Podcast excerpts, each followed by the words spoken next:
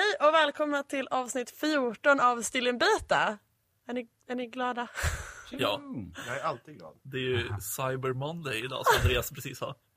Precis. Som är den töntigaste, eller vad sa du? Inte tunstigaste, konstigaste konceptet. Eller, så här, eller onödigaste kanske. När du liksom Oj. precis har... Först har de tagit Black Friday och så har de gjort det till Black Week. Och så slänger vi på en extra måndag efter. Men är inte, det här är ju så här arv från USA. För att i USA var ju Black Friday bara i fysiska butiker först. Mm. Och sen så var liksom Cyber Monday ett svar från e-handlarna på Black Friday. För att de inte fick vara med på Black Friday, eller vadå? Nej men det var väl deras svar, alltså de ville väl inte snylta på Black Friday, eller snylta det ville de såklart göra. Men, men de ville liksom De vill- inte, de ville göra sin egen grej tänker Det jag. skulle inte vara så tydligt att de snyltade på Black Friday. Nej. Eller, eller så var det typ så här, ja men om ni väntar till på måndag istället så kan ni köpa ännu billigare online. Eller något. Just det. Och I Sverige tar det vi bara in allting. Ja. Det är billigt nu. Vi har billigt, det är inte så billigt för vi har höjt priserna just innan. Men det är, det är lite nedsatt jämfört med igår. Om ni köper nu, köp nu oavsett. Köp bara.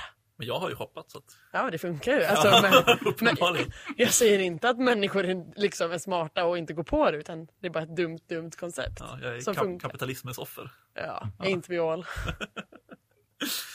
Okej, Vi har ju en gäst här idag som vi bara hoppade över lite. Vi har ju Kristoffer och Kravi här. Hej! Hej! Vem är du? Vars, varsågod. Fråga. I, Vi i, känner I valfritt avseende. Ja, men godtyckligt. Nej, men, eh, tack för att ni har mig här. Jättetrevligt. Jätteroligt. Tack för att du ville Ehm, komma, skulle vi säga. Ja, det är framförallt det. Det är vi som vinner på det här. Men, Och lyssnarna. men, men vad, kort svar på frågan. Vad, doktorand numera? Jag bara tänker, vi känner ju varandra liksom. Vi har ju gått samma program vid olika tider. Eh, vi, en kort sväng har vi alla jobbat Ja, tillsammans. vilken Men kurs var sväng. du med på? Nej, jag, jag är inte Har du jobbat- aldrig Jag jobbat? är ju den enda som inte är gammal arbetskollega med Kravi. Ja. I världen. Men, och Kravi är ju gammal, ja vad ska man säga? Labbhandledare. Labbhandledare för alla Ja. oss tre. Ja. Typ så. Ja, Ja, vi har träffats i liksom. lite olika sammanhang kopplat till systemet att skapa Uppsala helt enkelt. Right. Verkligen så. Ja, och du är doktorand nu. Eller vad är du nu? Mm, ja, precis. Sen, vad, tre år sedan, något sånt här. Så jag menar, femårig utbildning i teorin är väl halvvägs. Eh, I praktiken är väl ganska halvvägs också, kanske. Ehm, svårt att veta. Jag menar, så här, stort projekt över lång tid. Hur vet man om man är i fas eller inte? Man gissar. Man håller tummarna. Ja, alltså, blundar och håller tummarna. Håller andan. Och sen blir man klar när man behöver bli klar. Då, Mm. då går det liksom, kan halva arbetet bli gjort på en tredjedel av tiden eller mindre. När pengarna är slut så är man klar. Det här är vad det blev. Ja. Men det känns ändå... Det känns lite som i arbetslivet. Så här. Ja, men hur vet man att man är halvvägs? Ja, man gissar. Alltså, Det är ju det jag gör om dagarna känns det som. Mm. Gissar, estimat, mycket. Ja, men det är det vi Just det vet. att bryta ner saker i mindre delar. Alltså Mm. så, jag bara tänker att, men så, doktorandgrejen blir en, tyckte jag i alla fall, så svår grej att bryta ner i flera delar. Med, så här, man har hela den här perioden, man har en slutleverabel och det är inte som att man kan, det är väl klart att man kan så här, papper på vägen och allt sånt här. Men i någon bemärkelse är det bara slutprodukten som räknas. Så att man, Mm. Ja. Läskigt, som man häftar. läskigt, tänker jag. Ja, ja, mm. Stressant på olika sätt. Men det är väl lite som att plugga också. Alltså så, som ett så här... Det är inte... Mm, man levererar inte för någon annan och man har, återigen, man har inte korta leverabler och så här. Utan eh, man är hela tiden på, man är hela tiden av. Alltså jag tänker att hela, hela universitetsvärlden är ju att man börjar med små uppgifter och sen blir de bara större och större och större och större och större och sen är det liksom så sitter du där och har en femårsuppgift liksom. Mm, just det, just det. Det är ju inte, he, det är inte helt fel även om det, Mm, det trappas upp ganska snabbt där från masteruppsatsen till, mm. eller vad säger man? Säger man masteruppsatsen? Right, right. Examensarbetet. Mm. Så från ett halvår till fem år det är ett ganska stort hopp men det är ändå. Mm. Men det alltså, verkligen, det är väl så det blir. Som där, man har gjort inlämningsuppgifter hela tiden och sen blir doktorandsavhandlingen som en maxad inlämningsuppgift också med lite oklarare. Ja. du vet inte förrän du är klar om det, hur det Om blev. det funkar eller inte. Så hopp, förhoppningsvis har man en aning. Men liksom, generally. Men precis, så- det är jag väl nu. Men du, eh, du pluggade systemvetenskap i Uppsala. Mm. Först kandidaten, sen master och sen doktorand nu. Så man har köttat in sig grymt mycket. Ja, exakt. Man, man tycker att man borde, eller man tycker att jag borde ge mig. Nej, fortsätt för evigt. Ja, men det tänker jag. Eh, Nästa professor. Började du plugga kandidaten liksom direkt efter gymnasiet, eller efter gymnasiet. Ja, Nej, men- efter, ja. Jo. Så jag känner mig väldigt gammal nu. Ja, men Har glömt bort den där tiden. Exakt. år Anton. Exakt, men det känns inte riktigt som att jag har gått ett år. Det känns som att jag... Men det var väldigt länge sedan du gick ut gymnasiet. Ja, det var det. Det är väldigt sant. Ja. väldigt sant. Men det här är efter gymnasiet. Ja, men det är det. Ja. börj- Frågan var, gick du från gymnasiet till universitetet direkt? Eller? Ja, precis. Nej, Vi har slirat väl i typ två år och gjort lite andra grejer. Så jag försökte undvika att jobba och sånt där. Sen hamnade det till slut så. Eller, jag menar, jag, då höll jag på... Var så jag kom i kontakt med programmering. Jag började hacka lite i Flash för Flashspel. Alltså så. Och sen så gjorde jag några dollar på... Några dollar ändå där. Det bra. eh, reklam i spel. Och sen någonstans där så kom man väl underfund med att så här, men okej, jag skulle lika gärna typ kunna lära mig att programmera på riktigt och sen bli lite bättre på det här och sen faktiskt tjäna lite mer än några dollar. och Var det spelutveckling som, som triggade dig? Right, verkligen så. Men sen Visst är så typ så här inte- 50% av alla killar i alla fall? Kanske ja, ja. mer? Jag är ju också ett offer där. Ja, det... Alla bara vill bli spelutvecklare. Det är kul. Alltså, jag blev mer så här, man liksom var sugen på att veta lite vad som hände bakom. För jag, var jag spelade ju jättemycket, äh, jämt. Eh, sen började man testa lite själv. Eh, man körde någon sån här drag and drop eh, game maker liksom. Det var typ första man gjorde, det var helt värdelöst. Eh, och sen började man faktiskt kanske skriva någon rad sådär. Så att, eh, ja, det var lite så jag också kom in på det. Men Visst, det och just det kreationen, om det är så att om man är van med att konsumera någonting, att man då kan kreera det kreera någonting som någon annan kan konsumera eller som man själv skulle önska att man kunde konsumera. Mm. Alltså så, så. mm, Roligt. Precis. Men var det, var det självklart för dig att liksom hoppa in på systemvetenskapen? Eller var det, du, var det Jag vill programmera, jag vill gå systemvetenskap. Det är ju inte super tight. Alltså systemvetenskap är inte givna när man ska programmera. Mm. Men vi, ja, precis, vi, vi kan säga också, bara, pluggen, jag kör också en YouTube-kanal, spana in min YouTube-kanal. Men på, på den så, så är en video där jag pratar om just det här. Alltså så, jag menar, det helt ärliga svaret är väl mer att jag hade liksom inte tillräckligt mycket matte från gymnasiet så jag kan tänka mig att jag hade läst någonting som var mer mattetungt om jag hade de betygen. Men liksom, jag var också lite så här, "Vad? programmet finns och det funkar och så gör jag det och sen så jag vet inte, när man väl är där och sen exekverar man på det som man har börjat på. Alltså lite som det här med doktoranden. Man jobbar ju utifrån sina egna förutsättningar. Eller vad, de, eller vad tänker du?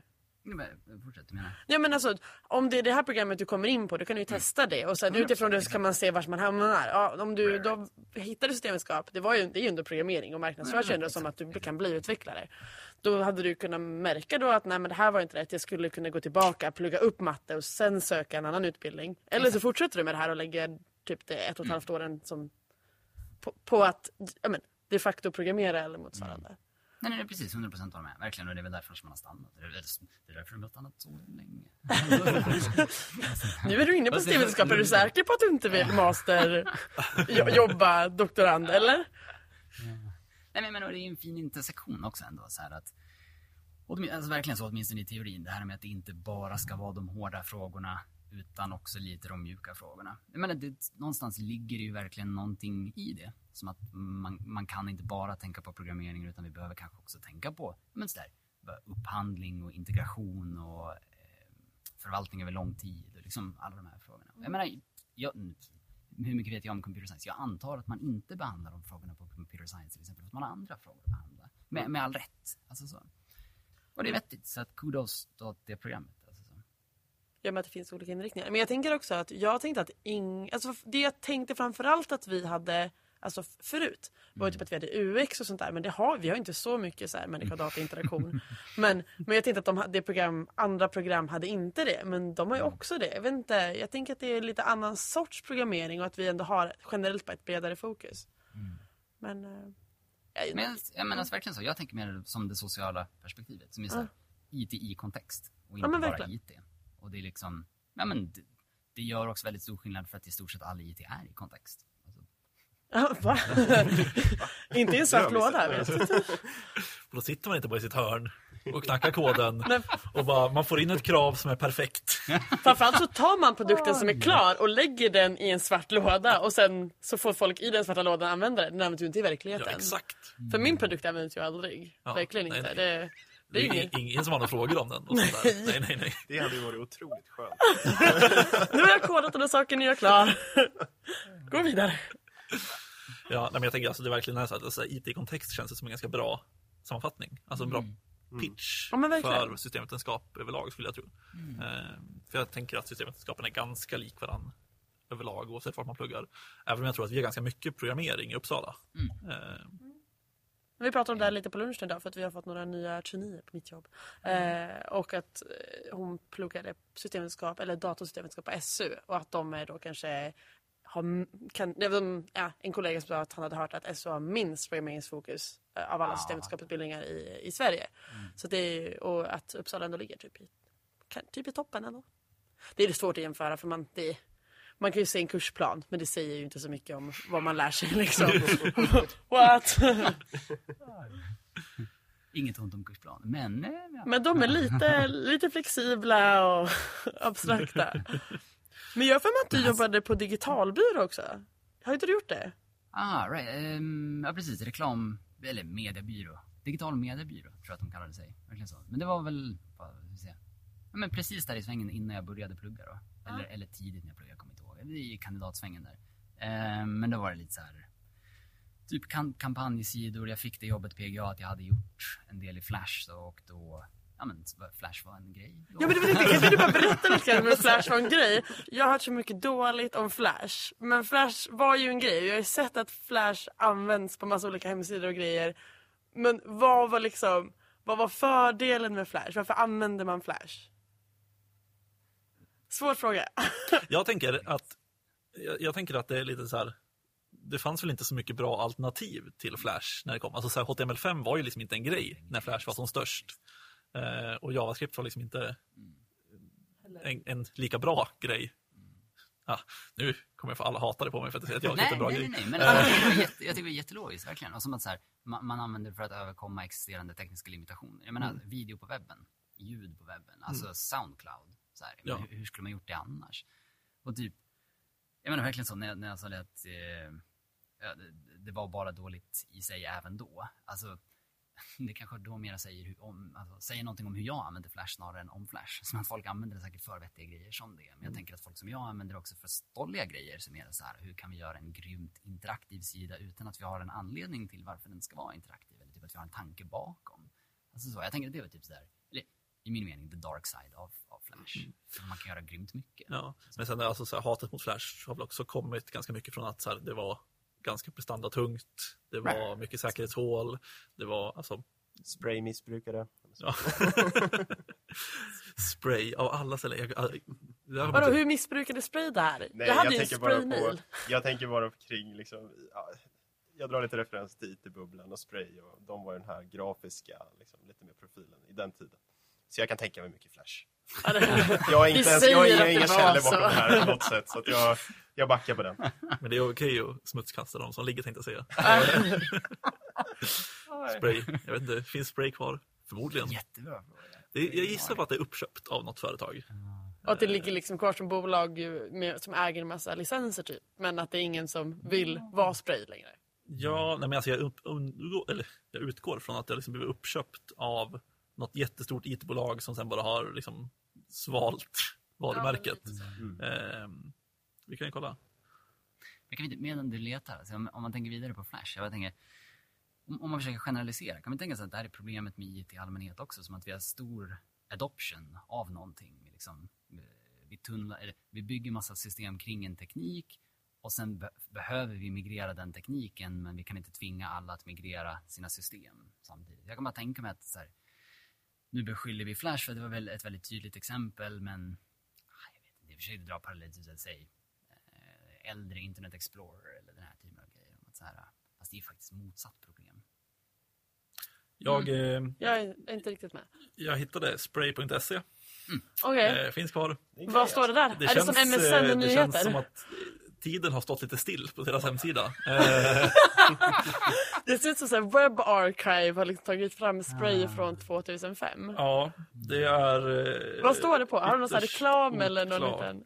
Eh, nu var jag inne på Spray Mail eh, som finns. Det finns även Spray Jobb. Spray- Oj, där kan man hitta Oj, dem. oj, oj. Man får också välja om man vill ha en mobilanpassad eller standardvy. Det känns också Ja, fast det väldigt, känns ändå, det får jag fortfarande på massa sidor. ja, men det känns också väldigt 2013 i alla fall. Ja men exakt, men det är skillnad på 2013 och 2006. Ja, det är sant. inte skilja på här. Ja. På startsidan står det låna upp till 500 000 kronor. Det är reklam alltså. Eh, jag vet inte. Det är, inte, det är okej att de har reklam, för det vet jag. Ändå- all service. Det, Ja, men då. Men det är ytterst oklart att det är. Ja, ja, vi släpper Ja, spray. det kan vi göra. Förlåt att jag drog in det på det här. Eh, Jag tänker, Amanda hade ju eh, en jätterolig programpunkt. Som Det är inte heter- min programpunkt. Jag, jag, är det min programpunkt? nu är det din program. Ja, men Ja. det var Lunka som kom på den tror jag. Ja. Ja, vi tänkte köra tre snabba i alla fall. Ehm, och då tänkte vi så här, men vad kan man fråga som har koppling till vår podd? Som, som kan funka som tre snabba. Mm. Ehm, så då, då är det första, det är oklart hur snabbt det här blir. Mm. Ehm, Det är bra, ingen press. ja, nej, det, är- ja, min fråga, det kommer att ta lång tid att kommunicera den här frågan också. ja. Tangentbord, mekaniskt eller inte? Oj, helt ärligt, jag har absolut ingen aning. Ja men du använder Jag, förs- jag försökte gräva mig in i det där en gång och sen så förstod jag att det fanns massa olika typer av tangenter. Och Ja, sen tänkte jag det här orkar jag inte och sen släppte jag det. Ja. Men då, är du, då har du valt ändå akt, liksom. Du försökte men det har inte lockat Alltså, dig. Liksom. mitt tangentbord sitter ju fast på laptopen. Så jag bara tänker, jag använder det som, jag använder det som, aj. För, Så för då för att visualisera, ja, exakt, för att visualisera, Amanda har liksom en Macbook Pro 13 tum, alltså den lilla en versionen. ändå. 13, som hon liksom har med sig ett, ett fullstort bärbart Mac-tangentbord till. Som jag har tråd till också men det är Ja. liksom inte trådlöst för att det ska vara smidigt. Men för att originalet är trasigt. Alltså ja, det slutade funka bara helt plötsligt. Jag pratade jättemycket med, med Apple Support och de sa nej men du får starta om och du får starta om och så funkar det ibland så att det, hårdvaran är inte trasig utan det är typ mjukvaran som kanske glappar Ah. eller någonting. Och då, till slut så sa de du måste, du får ominstallera. Och då sa jag jag gör det sen. Jaha. det var i juni. Ja, men det, det är inte mycket som, som fungerar på den här datorn i alla fall. Va? Allting fungerar utom trackpaden och tangentbordet. Jag brukar skämta med att jag snart får koppla in RAM-minnet med USB.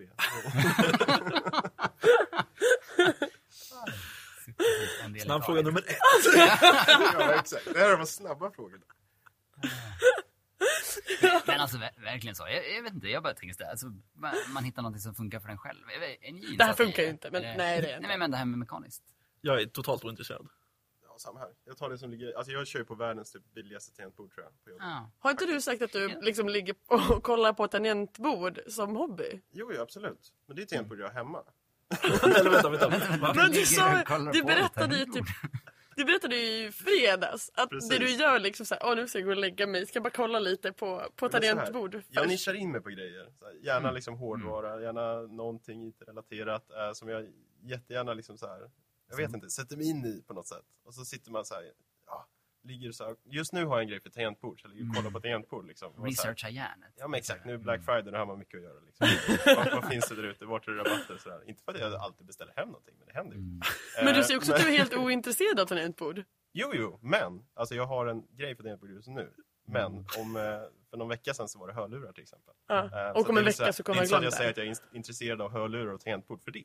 Ja. Eh, Men jag kan ibland nischa in mig på vissa specifika grejer som jag gärna ligger och kollar på av någon anledning. Men jag kan relatera. men det- Alltså, det är väl så här vi lär oss om, om grejer också. Typ att, verkligen, jag har inte snöat in på det, men jag menar, så här, prisjakt. säger Jag har listor på saker som jag inte köper eller antagligen inte kommer köpa inom en snar framtid. Utan mer också bara så här, det här är den som jag skulle ha om jag skulle köpa dem. Men man får ju också Så feeling. Om man skulle köpa allting som man får feeling för. Ja, Alltså typ såhär, åh det vore skönt att ha ett nytt. Ja. Och sen så googlar man vidare. Och så kommer man på att ah, men den här är ju den här är okej men det var ju mycket bättre om jag skulle och fast om jag ändå ska gå till den här nivån då kan jag ju lika gärna skaffa, liksom, skaffa en med ordentligt mhm. Och då, ja men då finns ju den här modellen på specialpris. Och alltså den modellen man började på kanske kostade 700 och sen är man uppe på 3 halvt Och då säger man nej, jag lägger det här, vi, vi funderar och ser om vi behöver det här. Och så lägger jag det på hyllan och sen så kommer jag tillbaka och bara just ja, jag behöver en ny, ja men säg NAS. Eller jag vill ha en NAS. Så jobbar jag upp samma trappa igen. Så blir det på kanske, kanske hamnar på tre bara. Kanske inte behöver den där sista featuren. Men det är fortfarande för stort hopp för att jag ska liksom känna att jag behöver ta tag i det nu. Kan ni relatera eller är det bara jag som är? Ja, men det känns som att det är din grej att så här, ja men jag tar det sen. Det är nasar och det är sk- Jag är installera om datorn och det... Skjuta upp saker. Väldigt skönt. ja, det var snabb nummer ett. Nej, okej. Nej, Kort avstickare bara ändå. Jag menar, oj, förlåt. Ett- rimligare svar med det här med tangentbord Ergodox. Vet inte, någon som... Ja, det är så Ja. hett på mitt jobb nu. Jag är så Alla sugen. skaffar. För det är ändå något som jag faktiskt har kikat på. Ja, men det är, det, jag har en kille på jobbet som är väldigt insnöad på det där. Han har jättecoola saker. Och så här, ja, men så här, han har verkligen så här customizade grejer. Det är liksom inga labels på tangenterna utan allting är liksom bindings till olika eh, Alltså vad ska man- makron, makron alltså i så. princip. Mm. Så, så här, ska man låna hans tangentbord och råka trycka på en knapp så sprängs datorn. Lite så känns det. Eh, Så att, ja, man kan verkligen snöa in sig på det där. Helt klart. men så att det är det är väl de som är... det är väl de som är Tvådelade. Tvådelade, Mm. ja precis. För att det ska vara extra ergonomiskt Ja. på något vis. Och de har ju också då att de har ju inte den vanliga uppsättningen QWERTY utan det är typ baserat på QWERTY. Det är väl lite olika kanske också. Men det ser ju inte exakt likadant. Det är inte bara att man har splittat det på det. hälften utan det brukar ju vara lite, eller hur?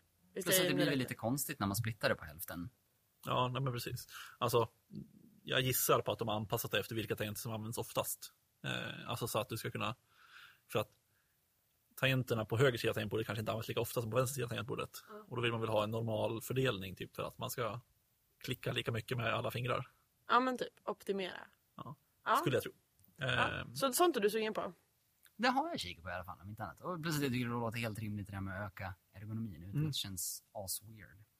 ja. Men Man jag kan också, tänka alltså, sig mycket konstiga former på tangentbord. ja. Alltså. Men alltså just ergonomin tänker jag är en ganska viktig grej. Fast vi sitter ju och Grymt mycket.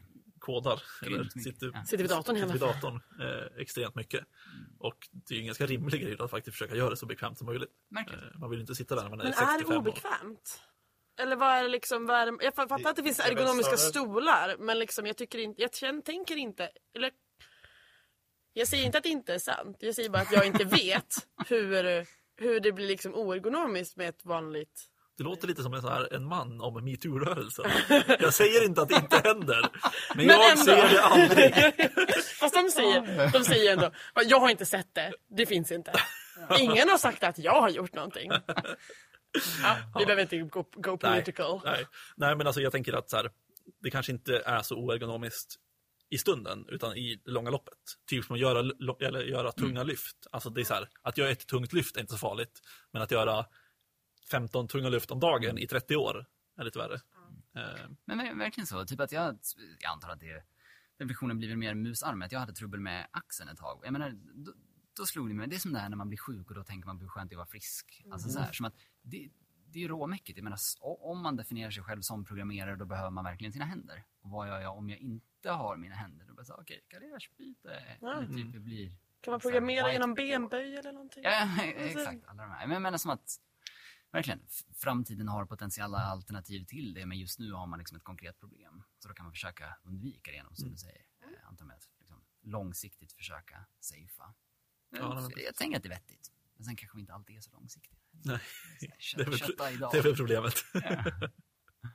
Jag är lite sugen på att hoppa över nästa två snabba för att vi ska liksom hinna med och prata om någonting annat. Hur känner Nej, ni men jag, jag har eh, en snabb till.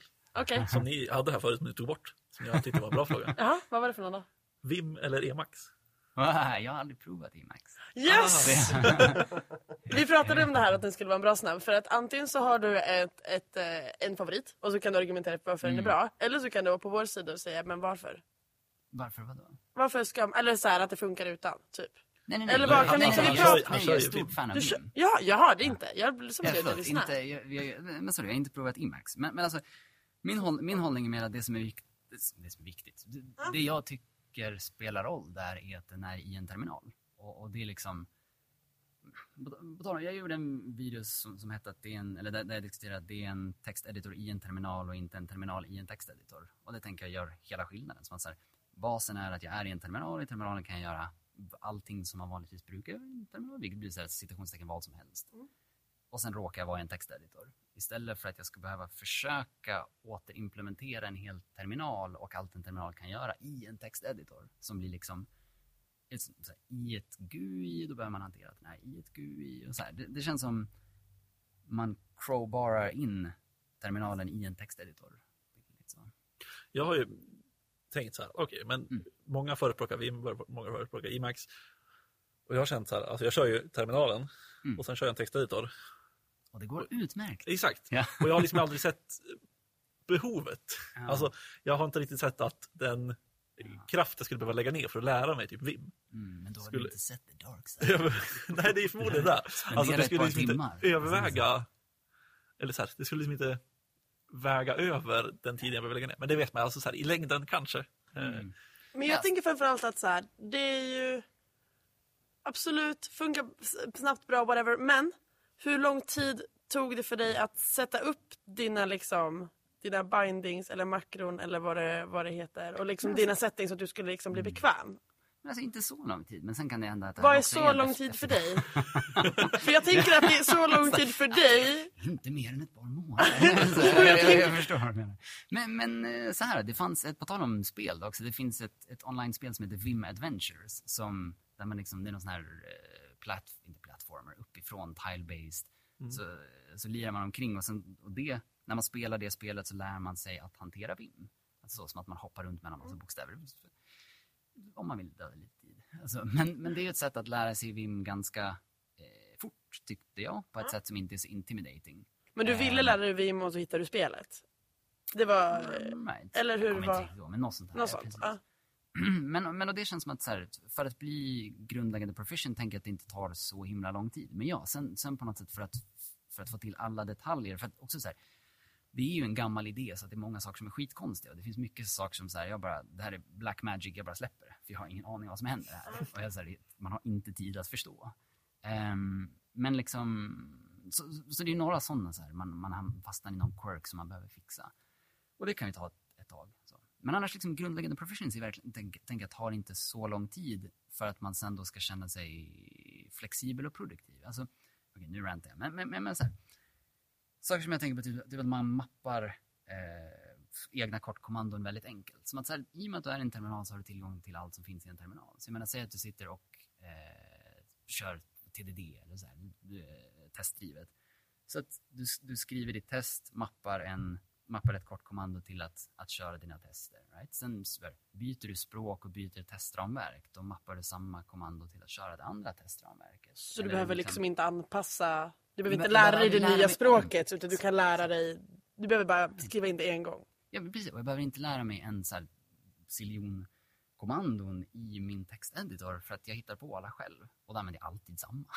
Jo men det är det för Alltså, om du ska använda någon annans Vim så kommer det potentiellt krocka. Eller liksom inte krocka men att du kan ju inte veta vad den har sagt, vad den har bestämt ska Nej, nej, nej. köra alla tester. Precis, men, men förlåt. Och, och vad jag menar då är att så här, till en början, så här, subjektivt, min åsikt, men då tänker jag att man, man börjar försöka konfigurera de här i sin konf så att man har eh, så här, det här är mitt kortkommando för att köra RSpec, det här är mitt kortkommando för att köra Cucumber, du du men, men sen på något sätt att det blir nästan krångligare för då, gör man, då, då är det som att man själv bygger en texteditor. Men istället, numera skriver jag bara de kommandon som man behöver on the fly. Som att säga, okej, just nu sitter jag och arbetar med det här ramverket så att jag vill liksom jag menar, okej, så, alltså build scripts. Vad, vad jag konkatenerar ihop de här filerna, pipar in det i det här skriptet och liksom outputtar här. Och då bara så, då skriver man det on the fly, kopplar det till ett, ett kort kommando och sen kör man det.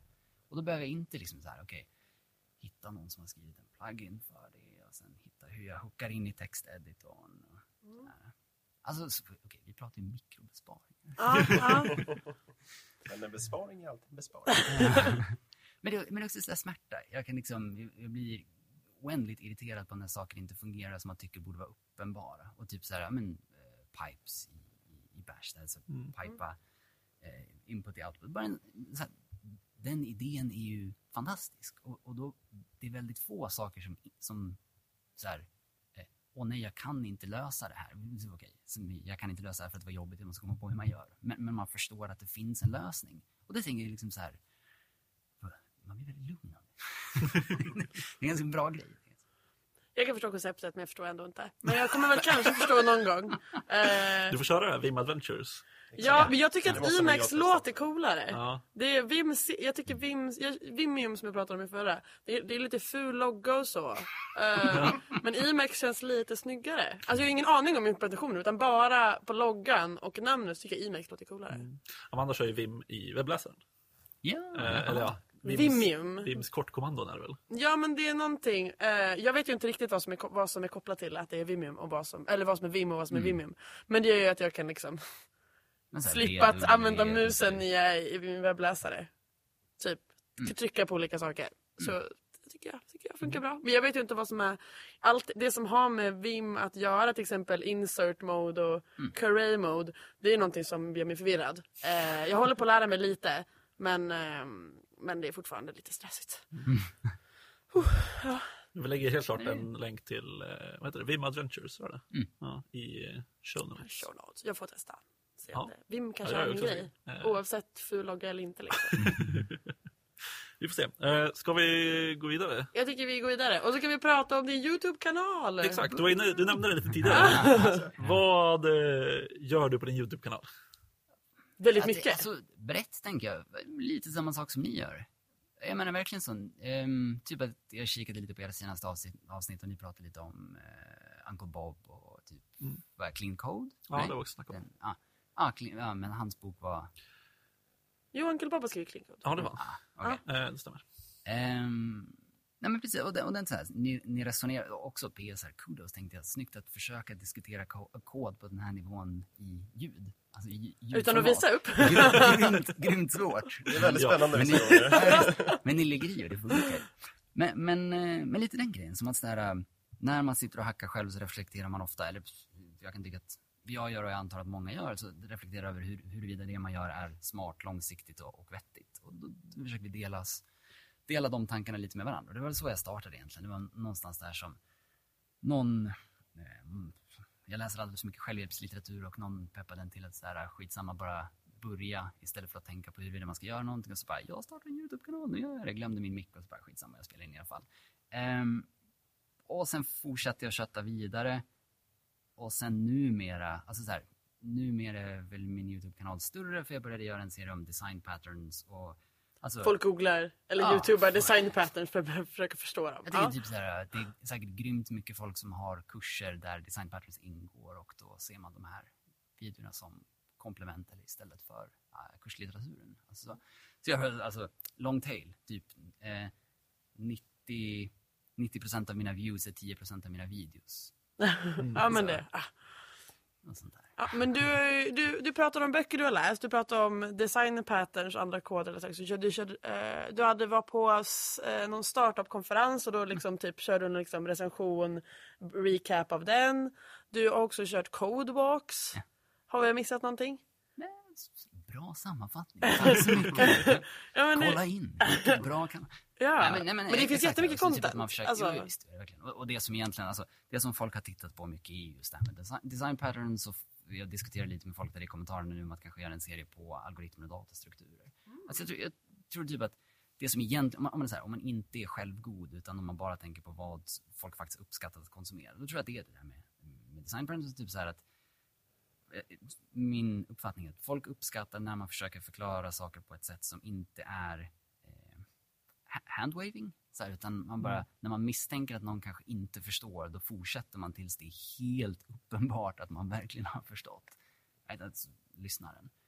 Ehm, och jag menar, det kanske låter så här egentligen. Som att så, här, så borde all utbildning vara. Men jag tror inte att folk gör så. Men, Men det är också så svårt att veta vad folk vet. Alltså man, vissa saker, Mm. när man kan någonting så är det ju lätt att man tar den saken för given. Visst. Man glömmer vilka saker som är svåra. Och om vi, all, om vi fyra ska lära oss ett visst design pattern så kan det vara, uppstå fyra problem för dig, fyra problem för dig. Alltså, Mm. Verkligen. och de, det är fyra olika, liksom. vi har alla Mm. olika problem vad vi vill förstå. Och då behöver man gå igenom alla de sakerna. Om man ska vara supertydlig.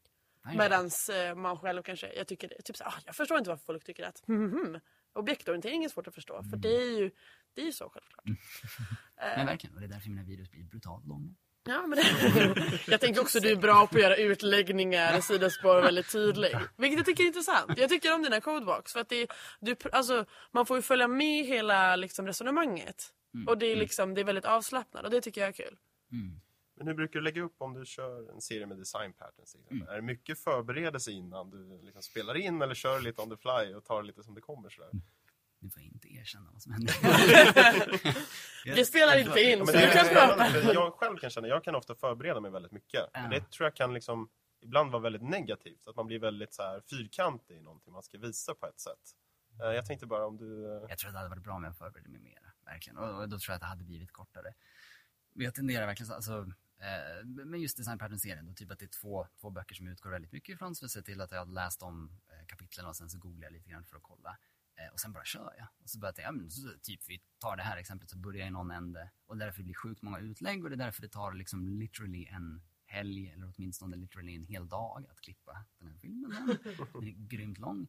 Ehm, och också, jag tänker att problemet med det, eller så här, jag håller helt med om att det blir väldigt naturligt också för att man så här, man kommer på saker medan man pratar och det kan, Eh, ja men så kanske förklaringsläget blir inte mekaniskt utan mer organiskt så.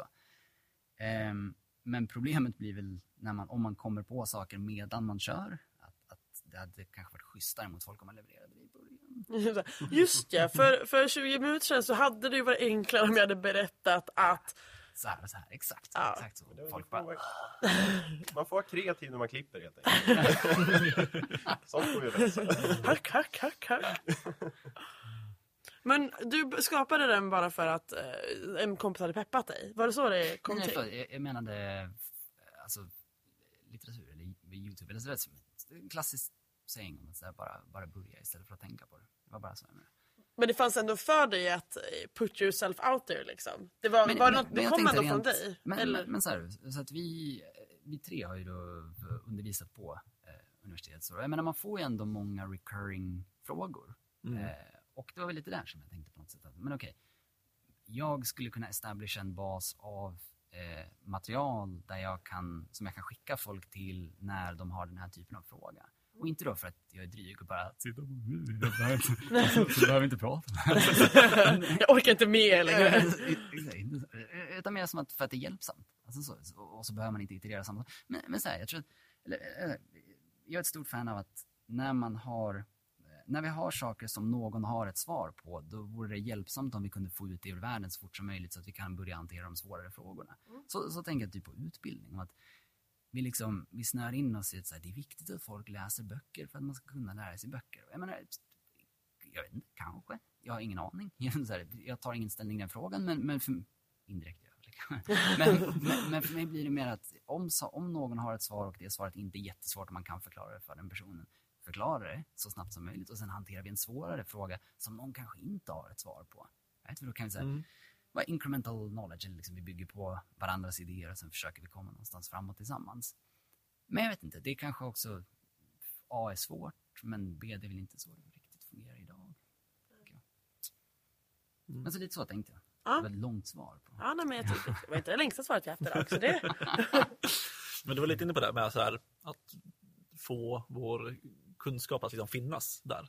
Mm. Och jag tänker att alltså just eh, utvecklaryrket eller liksom programmering i sig Mm. eller IT liksom överlag är ju ganska specifikt så att vi har ganska stor så här community eller liksom sammanhang runt omkring oss. Alltså det är Mm. liksom ja, podcast som det här, det är en YouTube-kanal. Det är ju ett eh, ämne som det är ändå relativt enkelt på att eh, anförskaffa sig information om. Mm. Right, verkligen. Eh, och det är liksom, jämförelse med många andra sektorer. Ja, precis. Alltså, det är inte riktigt lika enkelt så, så här. Alltså, nu är det ju bättre, men det är lite svårare att så här, googla hur man gjuter ett rör eller något. Eh, det är liksom, Nej men verkligen så. Det är väl ett jättebra exempel. För det är också så här, det är väldigt praktiskt och man skulle rimligtvis kunna ha en väldigt bra beskrivning på det. Mm. Man skulle säkert kunna få en väldigt bra beskrivning. precis. Men det får man liksom Eh, inte. Men liksom, inom programmeringsyrket så är det liksom, alltså, det finns ju extremt mycket åsikter om hur man ska göra saker och Mm. liksom, det finns extremt mycket eh, Ändå man får ju vara tacksam för att det finns så mycket folk som vill dela med sig. Det där lät Mm. ju extremt självgott, eller själv, om, om oss. Men det var inte så jag menade. Eh, utan det var ju mer att det finns ju väldigt många personer som är extremt duktiga. Som är villiga att dela med sig av sin kunskap för att lära andra och utan egentligen tjäna någonting själv på det överhuvudtaget. Ja. Och jag tycker ändå att det är ganska skönt på något sätt. För jag ser den här podcasten som en del att liksom ge tillbaka till communityt. Mm. Eh, för jag tycker att jag själv har tagit del av det så pass mycket. Mm. Så jag har någon slags skyldighet eh, Mm. av att göra det. Kudos. Hade alla ett mycket fint moment. ja. jag vet- jag vet- jag vet- jag alla sitter tyst här. Jag vet, inte, jag vet inte riktigt vart jag ville komma med det här, utan det var mer bara någonting. men, jag Nej, men att vi har det här communityt. Alltså, nej, men det känns väldigt mycket som att eh, IT och att folk som programmerar gillar att skapa saker och gillar att sprida och vill att andra ska använda en saker och vill att andra ska jobba vidare på ens egna saker. Alltså, det är konstigt hur det blev just så för, för utvecklare. Men det är väldigt, väldigt fint. Och det är väl lite därför det kändes som att det var ganska enkelt att starta en, en podd om utveckling och enkelt att starta en YouTube-kanal där man pratar om. För att det är folk som ja, alla söker i och för sig information på Youtube. Men jag tänker att man blir... Internet är ju lite, lite mer tillgängligt eh, för de som faktiskt håller på med Mm. Men internet en själva. grej, en grej jag inte teknik. nämnde nyss som jag också tänkte på är open source, hela open jo. source-grejen. Det är ju typ som att liksom biltillverkare skulle börja släppa alla sina ritningar Mm. gratis i princip. Eh, och liksom patent och allting sånt. Och det är ju också en ganska stor grej. Att, så här, Mm. Något som har gjort att det har gått väldigt mycket snabbt framåt och det är väldigt enkelt att komma igång med grejer. Alltså alla JavaScript-ramverk och, eller Mm. inte just JavaScript, men alla ramverk överlag. eh, Enkelt att komma igång med JavaScript. ha, ha, ha. Nej men alltså det är, så här, det är- ganska enkelt. Alltså man kan liksom sitta hemma själv och komma igång med programmering utan egentligen några krav. Alltså det är väldigt tillgängligt för alla oavsett vem man är. Verkligen. verkligen. Nej, men, och, och bara verkligen kudos på riktigt till att, alltså, den intentionen om att ge tillbaka. Jag tycker verkligen att det är väl så här, att starta en grej med så där, hjärtat på rätt plats. Och jag kan tycka att så behöver man inte så här, överkonstruera heller. Även om man inte hade exakt den planen ifrån början så tror jag ändå på något sätt att den känslan infinner sig lite grann. Och ja, men, jag, jag, jag tänker att det är värt någonting. Då, då gör man någonting av rätt anledning. Så. Men sen också så här, rent egoistiskt. Jag kan tycka att, att driva den typen av projekt. Jag kan anta att eh, ni känner liknande med det här. Om att genom, genom att behöva formulera, så det är som att undervisa, genom att behöva formulera saker för andra så lär man sig väldigt mycket om eh, vad man kan och vad man inte kan. Och, och om hur de saker som man försöker prata om fungerar. Alltså så, som att så här, man, man sätter ord på någonting och då bara, men vänta, det är faktiskt inte precis så här, utan det är snarare precis så här.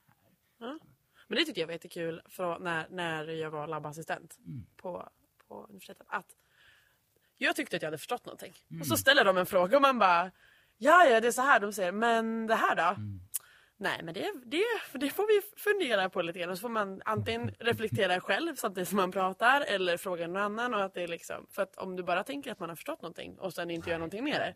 Då, då, då testar du liksom inte och så kan du inte kolla om det är sant. Liksom. Right. Man behöver någon som pressar en och på något sätt antyder att man har fel för att man ska börja ifrågasätta Mm. hur man har rätt eller inte. Ja men verkligen. Eh, Så, Så, det, det kan man säkert göra mot sig själv också, men det är svårt. Det Ja, hade jag varit är dålig deppigt på att det. leva så jämt. Ja men Precis. verkligen. kan jag ingenting. Ja, men jag tänkte alltså lite så här i din eh, roll som labbassistent eller ut... vad Du vill, vad gör du? Du, du har varit föreläsare och labbassistent och vad har du gjort? Du har haft väldigt många seminarieanledare. och- Alltså du har väl gjort det mesta eller? Mm. Nej men, ja, sådana grejer precis på universitetet. Nu undervisar jag ju ingenting. Men jag menar, jag var ju universitetsadjunkt och så. Eh, men, eh, men verkligen, jag undervisar ingenting nu. Men, men det som du höll på att säga var... ja, det jag skulle komma till. Alltså så här, jag tänker på, eh, du var väldigt inne på det här med att det är väldigt lätt att komma igång själv och allting sånt. Och så Mm. Alltså universitetets roll i framtiden som liksom så här, Mm. alltså programmeringslärare eller liksom eh, källa för kunskap för programmering. För jag tänker att det finns många Mm. sätt idag att lära sig, alltså lära sig själv eller gå på så här bootcamps. Eller, Mm. alltså, det finns ju extremt många sätt att lära sig. Alltså hur ser man det på, eller hur ser du på universitetets Mm. roll? Alltså är det fortfarande att man ska liksom lära ut programmering i sig? Mm. Eller, vi pratade också om det här IT-kontext som vi var inne på lite grann Ja. tidigare. Nej, nej, men alltså jättevettig fråga. Jag kan, jag kan verkligen inte alls prata för universitetet, jag kan verkligen bara prata för... Mm. Men Vi själv frågar så, dig. men, men, min, ja, men, men, men min, alltså, om man, säger, om man ska vara ren, man- krass och kanske alarmist, alltså så, jag tänker på något sätt att den här typen av institutioner behöver anpassa sig eller så kommer man att gå under. I ett land som Sverige kanske man inte kommer att gå under för att vi är så protektionistiska så man kommer liksom beskydda universiteten tills staten storknar. Eh, men rimligtvis kommer man ju anpassa sig. Alltså så, eh, till, som du är inne på, så här, metoder för undervisning och typ att böcker kanske inte kommer existera på samma sätt som de gör idag. Och vilket kanske folk kommer tycka är problematiskt, men också vilket kanske är helt okej. Ehm, men om, om man tänker så här, jag tänker, jag funderade lite innan på så här, okej, vad, vad, det är alltid lättare att belysa problemen, så här, hur man faktiskt skulle lösa de här problemen. Um, men ett problem till exempel som jag tänker med, så som åtminstone systemvetarprogrammet har hanterat eh, programmering, att man tittar på, eller man, man undervisar i programmeringsspråk snarare än programmeringskoncept eller programmeringsparadigm. Som att eh, Java och, eller så här, Java eller C-sharp, uh, liksom, det är samma sak med lite olika ord.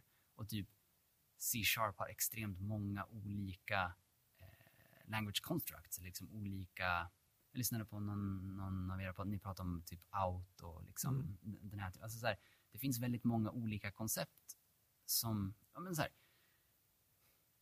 A behöver man alla i det språket. B behöver man alla för att vara produktiv i ett språk. C vilka är liknande mellan olika programmeringsspråk. D vilka är liksom paradigmskiftande. Det vill säga att om du tar bort det så byter du paradigm och hamnar liksom, säg, eh, ja, men i funktionell programmering till exempel. Alltså så. Eh, så jag, jag tror att det här liksom, men, men där, där kan man också tänka mig att, nu gissar jag inte en susning, jag kan tänka mig att mm, computer science eh, utbildningar är bättre på att lösa den typen av problem för de har den, de är mattetunga mera av ja, historiska skäl. Alltså så. Ehm, men jag vet inte, där, där, där tänker jag att liksom en mjuk utbildning som systemvetenskap skulle behöva bli, eh, bli bättre och där tycker jag absolut att det finns ett värde i, eh, alltså i, den här, i, i den här situationstecken moderna världen. Eh, för att, okej, okay, längst jag, jag är inte riktigt med. Du får, får ja, men Ah, fortsätt. Vi ser, vi ser om jag snappar upp. full, full circle. Så här. Ehm, för att om man tänker på moderna, ut, moderna utbildare, säg till exempel YouTube eller så här. Det som säljer är rimligtvis det som gör att man blir kortsiktigt produktiv snabbt. Right? Men, men det som hjälper samhället långsiktigt, skulle jag subjektivt argumentera, in, för inte är det. Right? Utan är det som gör att vi blir stabilt produktiva långsiktigt. Right? Och det är liksom det här, alltså, nu på tal om att bli politiska, det är det här klassiska liksom om marknadskrafter eller planering. Om att så här, vissa saker är inte lämpliga att lämna till marknaden att, att lösa. Kanske är vissa aspekter av programmering så, kanske är vissa andra aspekter av programmering inte så. Som att vi behöver kanske, ja men då återigen, man säger upphandlingsfrågorna eller så här, vi behöver kanske mer att fundera långsiktigt på eh, hur, hur hanterar vi de här frågorna. Det känns lite som att jag... Var, var du lite med på vart Ja, men nu, jag, jag snappade upp där på slut. Men, men jag tänker att, eh, jag gillar det du säger, men jag tänker också att universitetet kan ha andra roller. Alltså, Säkert, 100%. men till exempel skapa ett kontext så att du kan få en start. Alltså om du känner att du behöver kanske ramar för din utbildning. För det är ju, jag, min disciplin, om jag skulle sitta hemma och bara säga, ah, jag vill programmera. Vars, alltså, att någon väljer en, här kan du börja i och med att jag är lite dålig på beslut. Så liksom om någon inte, om, när, när en kurs säger nu ska du göra det här, då gör jag det. Men om jag får välja mellan tusen olika kurser på, med tusen olika språk, olika längder. Eh, då, blir det, då blir det för mycket. Alltså, att någon kan liksom vä- välja det här är ett, ett bra startpaket. Ja. Ja, visst, Och då säger jag, ah okej. Då börjar vi här. Det är så stämpeln staten rekommenderar. Ja men lite så. Det behöver inte ens vara staten rekommenderar men nå- någon, som, någon som försöker eh, vara lite objektiv rekommenderar. Eh, det här är lite ett, men också som du säger att det inte bara är det här är var, någonting som gör att du kan skriva kod utan det här är någonting som kan vara bra liksom, på sikt. Mm. Så tänker jag. Lite. Det är så lite att det finns ju väldigt många olika vägar liksom in egentligen. Och det är det som lite återspeglar till communityn. Det är det som det liksom verkligen skapar egentligen. Att är du självdisciplinerad och kan lära dig själv, ja, då funkar det helt fine. För du fin- alla resurser finns eh, om du bara så vill och kan liksom, ja, vara liksom disciplinerad och fokuserad och fullfölja egentligen det du vill, det du vill åstadkomma. Sen kan det ju vara så, sen ja, kan man ju behöva hjälp. Och då finns det liksom, ja det finns bootcamps och det finns eh, universitet, det finns högskolor. Så att, ja, det är väldigt så här, jag tycker att det är riktigt så här, kul egentligen att det finns väldigt många olika vägar att gå och man får lite olika input man tar med- sig på vägen helt enkelt. Eh, Man får lite, ja vad ska man säga, man bidrar på lite olika sätt kanske. Man får lite olika infallsvinklar till det hela. Mm. Så, ja. Nej, men så absolut, jag menar, det är klart någon roll, men jag tror att mm, verkligen så återigen, eh, institutioner som till exempel universitet kommer behöva kämpa för sin roll i framtiden, oavsett ämne. Alltså, det är inte, alltså, Jag men hitta vad, vad är vår roll? Och att man kanske inte behöver finnas kvar för sakens skull och man behöver inte finnas på det sättet man har funnits hela tiden. com- commoditization på svenska. Alltså, man, man, liksom, utbildning har också produktifierats. Det går att sälja. Typ, man kan, alltså, och jag vill säga, verkligen all respekt åt folk som är själv, självlärda. Verkligen. Så, så att man kan eh, väldigt snabbt bli väldigt produktiv och bli, alltså, om man tänker så klättra inom ett företag väldigt hur bra som helst utan att spendera en dag på ett universitet. Alltså, inga konstigheter. Jag funderar, vi har hållit på ett tag här. Har vi, har vi några sista saker vi vill fråga Kristoffer innan vi går vidare till vår enda fasta punkt? Jag vet inte. Hur ser du på liksom framtiden för din YouTube-kanal? Världsherravälde. Den, den, den, det fruktansvärda svaret är att det finns inte, alltså, den här play-buttonen som man får vid 100 000 subscribers. Ja. Liksom, det är bara det jag köttar emot. Men du är gått på väg då. är det, vad har du? 12 000 nu va? Ja, precis. Ja. Ja. En lång bit kvar. Det är Ja, det jag, är ändå tänker, jag tänker att det kanske ökar exponentiellt. Ja men jag tänker att det gör det. så borde det nästan vara. Ja. Om du fixar det här med algoritmer och datastrukturer också, Mm. boom bara. Kanske fixar, klipper ner eller gör om dina, till, om du vill ha så du har kortare versioner och lång, längre versioner. Då har du två olika målgrupper. För vissa Mm. klipper på, trycker på långa klipp och vissa trycker på korta klipp. Så att det, Alltså, typiskt TLDR-versionen av varje. ja men Ja. exakt. Eller du börjar med en TLD som så här länkar till din längre också. Eller vice versa. Ja, rätt. Amanda kommer med mycket Ett idéer. Ja. negativt. Men, men, men, men verkligen om, man bara säger man- ett, ett skimande svar eller ett planerande svar. Bara, om den här typen av grejer tänker jag, det är verkligen som så här, ni, nu vet inte jag hur ni har tänkt med den här podcasten, men jag menar, inom bemärkelse så här, ni har skapat en plattform som ni kan använda för att stega in i andra saker. Helt plötsligt har ni ett, ett ting som ni kan referera till där, jag menar så här, det är liksom mikrokändisskap. Så att ni har någon form av, av leverage och ni har någon form av möjlighet att nå ut till människor. Inte för världsherravälde, men om, om ni då skulle ni bygga en produkt till exempel i fram, framtiden, då har ni en, en kanal att få ut den produkten. Alternativt, eh, ni har en, en bas av människor som vet att ni inte är stolliga och som litar på er. Av goda skäl, för att ni inte är crazy. Men nu har man sett er... Eller?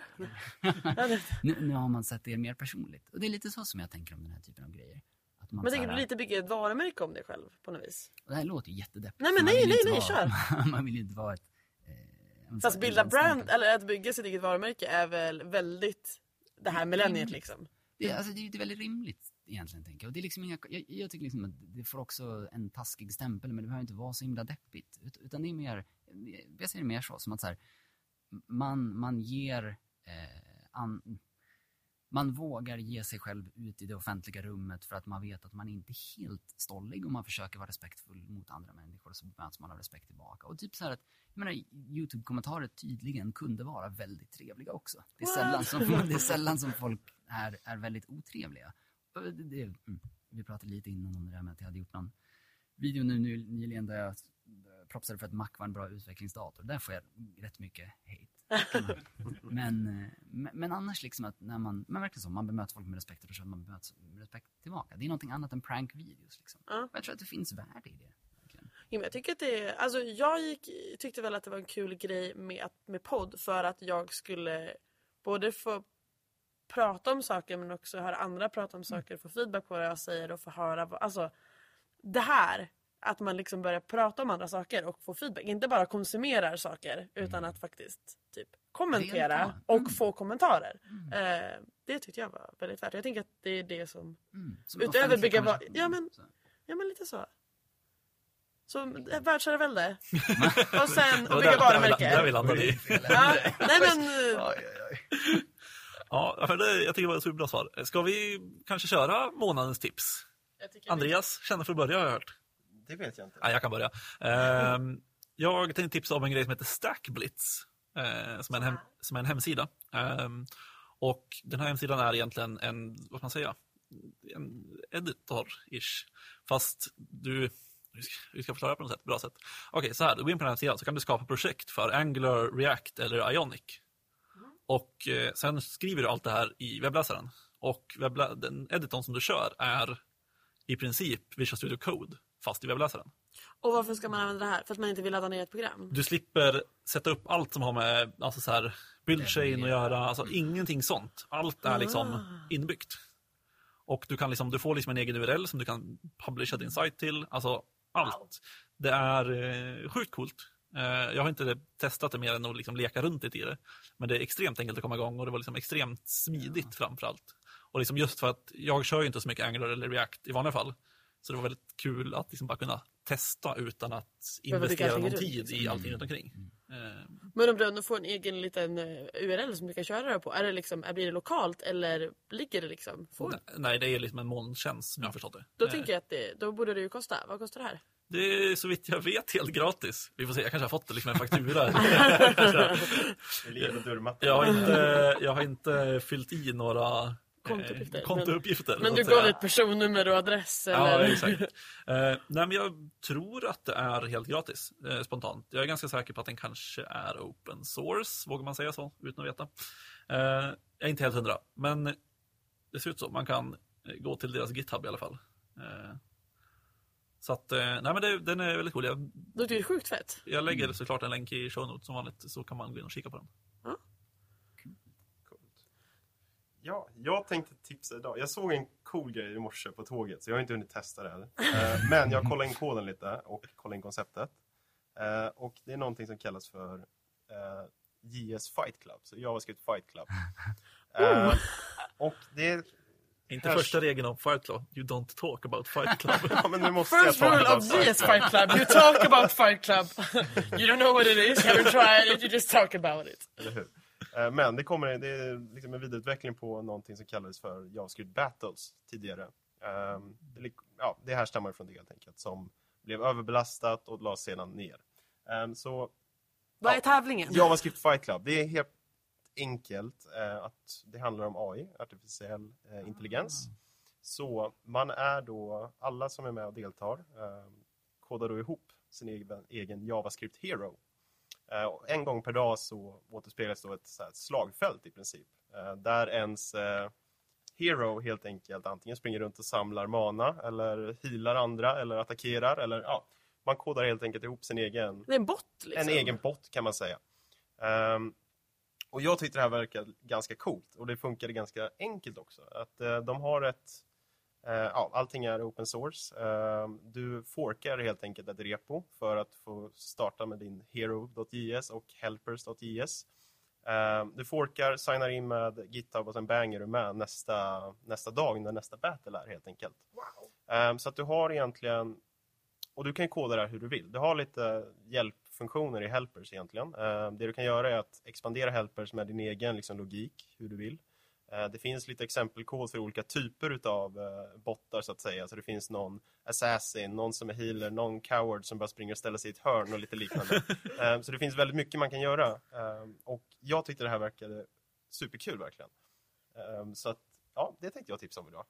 Men okej, för jag som inte är med på spel så, men det här låter som typ Dota-grej. Eller liksom, är det, är det den sortens spel? Eh, jag skulle inte säga att det är som Dota. Men alltså, det, Eh, det, om du men- kollar D- Dota kontra CS kontra Mario så är det som Dota. Kontra Robot Wars. Ja, Contra Robot Wars skulle jag säga. De bara står, men vadå dina helpers? De bara springer, du springer ut på typ en här, arena. ja, du, ser, du ser visuellt ett slagfält. Ehm, alla liksom, bottar simuleras. Ja, men du slåss, sen- mot, du slåss mot varandra. Men, men inte i realtid. Man blir delt... Så att man, man har blir, alltså skrivit sin bot. Jo, jo, jo, men precis. alltså. Ah, okej. precis, men man blir indelad i två lag helt enkelt. Sen så går det liksom turbaserat. Ehm, så att en AI kör ett steg, sen går den vidare till nästa, den kör sitt steg så att säga. Så det är Och varje gång- schack. I princip. Och varje gång ens tur avslutas så slutar man med att liksom alla fiender som står runt en smäller man till. Liksom. Ehm, och sen finns det liksom olika då, ja, i helpen. Liksom. Du kan identifiera närmsta fiende och kanske gå mot den eller identifiera närmsta lagkamrat och gå och hila och liknande. Och du kan bygga upp liksom ganska komplexa liksom, logiska eh, Mm, val regler, egentligen i, Mm. eh, ja, i, i ren JavaScript som sedan simuleras då, eh, i den här baten som kör en, körs en gång per dag. Så här är lite statistik, eh, topplistor på bästa AI och liknande. Eh, så att, ja, jag tyckte det verkar väldigt intressant. Mycket ballt. Mycket, det, det som, jag, jag har drömt om, jag bara tänker så här, rodd vid amerikanska universitet. Jag liksom envisionar att det här är vad vi ska ha i framtiden på de svenska universiteten. Precis. AI-tävlingen. Ja. Åh, vårt robotlag vann! Maxat. Ändå rimligt. Det borde man Mm. införa på utbildningarna. Alltså. Har du något tips om Mitt tips blir ju sjukt tråkigt i jämförelse. sjukt tråkigt. Eh, jag, det här med att, vad, man, vad man kallar ett tak på, på svenska, alltså tak som i talk. Presentation. Ja, eller dragning eller någonting. Jag tänkte tipsa om en dragning eh, från eh, webbdagarna av, eh, med Ashkan Fardost. Bra uttal. Eh, som egentligen pratar om digitalisering kontra digitisering. Ja, och digi- Ah. Digitisering är att man tar exakt samma sak eh, men bara gör det digitalt istället. Medan digitalisering är att man faktiskt anpassar, eller liksom skapar typ en helt ny produkt inom samma bransch kanske. Ehm, och jag har inte tänkt så mycket på det, jag hade inte hört det här digitisering innan. Det är typ 30 minuter långt snack. Eh, det här är en liksom, han, eh, jag tror att han, han var typ UX, liksom lite sån bakgrund. Så det är liksom inte super, det är inte, handlar inte om programmering utan det handlar om programvara. Kan man säga. Och, och samhället. Och det tyckte jag var intressant och eh, ja, men, lättillgängligt. Eh, så det, den tipsar jag om. Så det är Vi- tankeställare som man kan behöva. Ja men jag tycker, sen tycker jag att det var lite provocerande också vissa saker han sa. Ehm, så att, eh, Inga spoilers nu. nej, nej, men, nej men lite.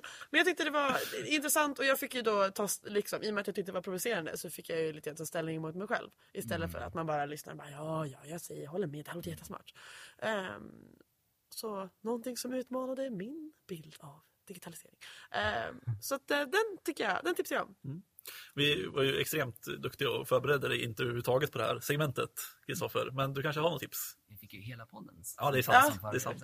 Det är ju inget tvång eller att du ska ha ett tips. Utan det, du är välkommen att delta med tips om du känner dig trygg. Nej, men, jag, jag, tänker så här, inte om ni har dragit den förut, men eh, stort fan av ljudböcker i allmänhet. Alltså, jag, Mm. på tal om mikrooptimering då. Det finns väldigt mycket tid i sin vardag som man kan använda. Eh, uppenbart lyssna på er podcast, men när man har lyssnat klart på er podcast, då kan man sen lyssna på ljudbok. Alltså, verkligen, det finns grymt mycket non-fiction eh, som är grymt lämpligt som, eh, som ljudböcker. Och om man går bortom, gräver lite längre än hela eh, självhjälpsträsket så finns det också väldigt mycket som man kan lära sig väldigt mycket om. Om jag någonting konkret, jag bara tänkte på, det finns en bok som heter Black Box Thinking. Eh, som handlar om, det finns också en, en video på min YouTube-kanal som man kan kolla på om den här, om den här bogen. Men ehm, de, som jämför eh, flygplansindustrin, eller liksom piloter mot läkare. Eh, och diskuterar hur, eh, blame culture, eller diskuterar hur man beskyller, hur man hanterar när någonting har gått fel och huruvida någon får skulden för det eller om man ser det som ett systemproblem.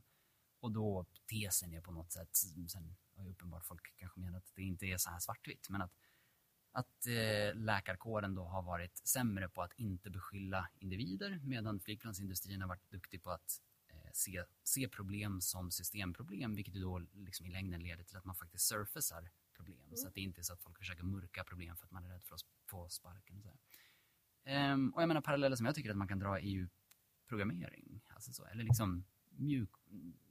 När vi är i stora organisationer som skapar mjukvara och vi bygger, alltså det räcker med att, med att vi har ett betalsystem inkopplat så finns det ju potentiell, alltså, en potentiell risk som skulle kunna betyda att någon kan få sparken för att någonting har gått väldigt fel. Alltså så. Och då ser vi det som ett individproblem eller ser vi det som ett, ett systemproblem som vi kan använda, eller ja, men så som vi kan använda och lära oss av när någonting händer. Vettigt för framtiden. så. Mm. Superintressant. Jag lägger länk till den boken i show notesen också. Kul. Ska vi tacka för oss då? Jag tror att det var allt. Jag tänker om man vill dig något, Kristoffer, vart når man dig? Din YouTube-kanal finns också såklart länkad, men om man vill Det är lätt att, eller Twitter. Twitter. Twitter, Vad ja. heter du på Twitter? C-H-R-O-K-H. Ni kan länka. Vi Ja, vi länkar. länkar. Ja. Men kanalen är roligast. Ja, eh, Youtube-kanalen rekommenderar jag personligen verkligen i alla fall. ja, men gör det. Eh, och om man vill oss någonting. Ja, att stillinbetapodd med dubbel-D på Twitter och vi har väl en e-postadress. Vad är den? Info at stillinbeta.se. Wow! Jag tänker att ni ironiserar lite för mycket över våra, över våra egna kontaktvägar. Jag tycker det är otroligt bra. Ja. Ja, nej, men det var väl allt för den här gången. Jag är eh, jätteglad att du kom och snackade med oss, Kristoffer. Tack för att jag fick komma. Mycket trevligt. Supertrevligt. Då så, till nästa gång. Tack och hej!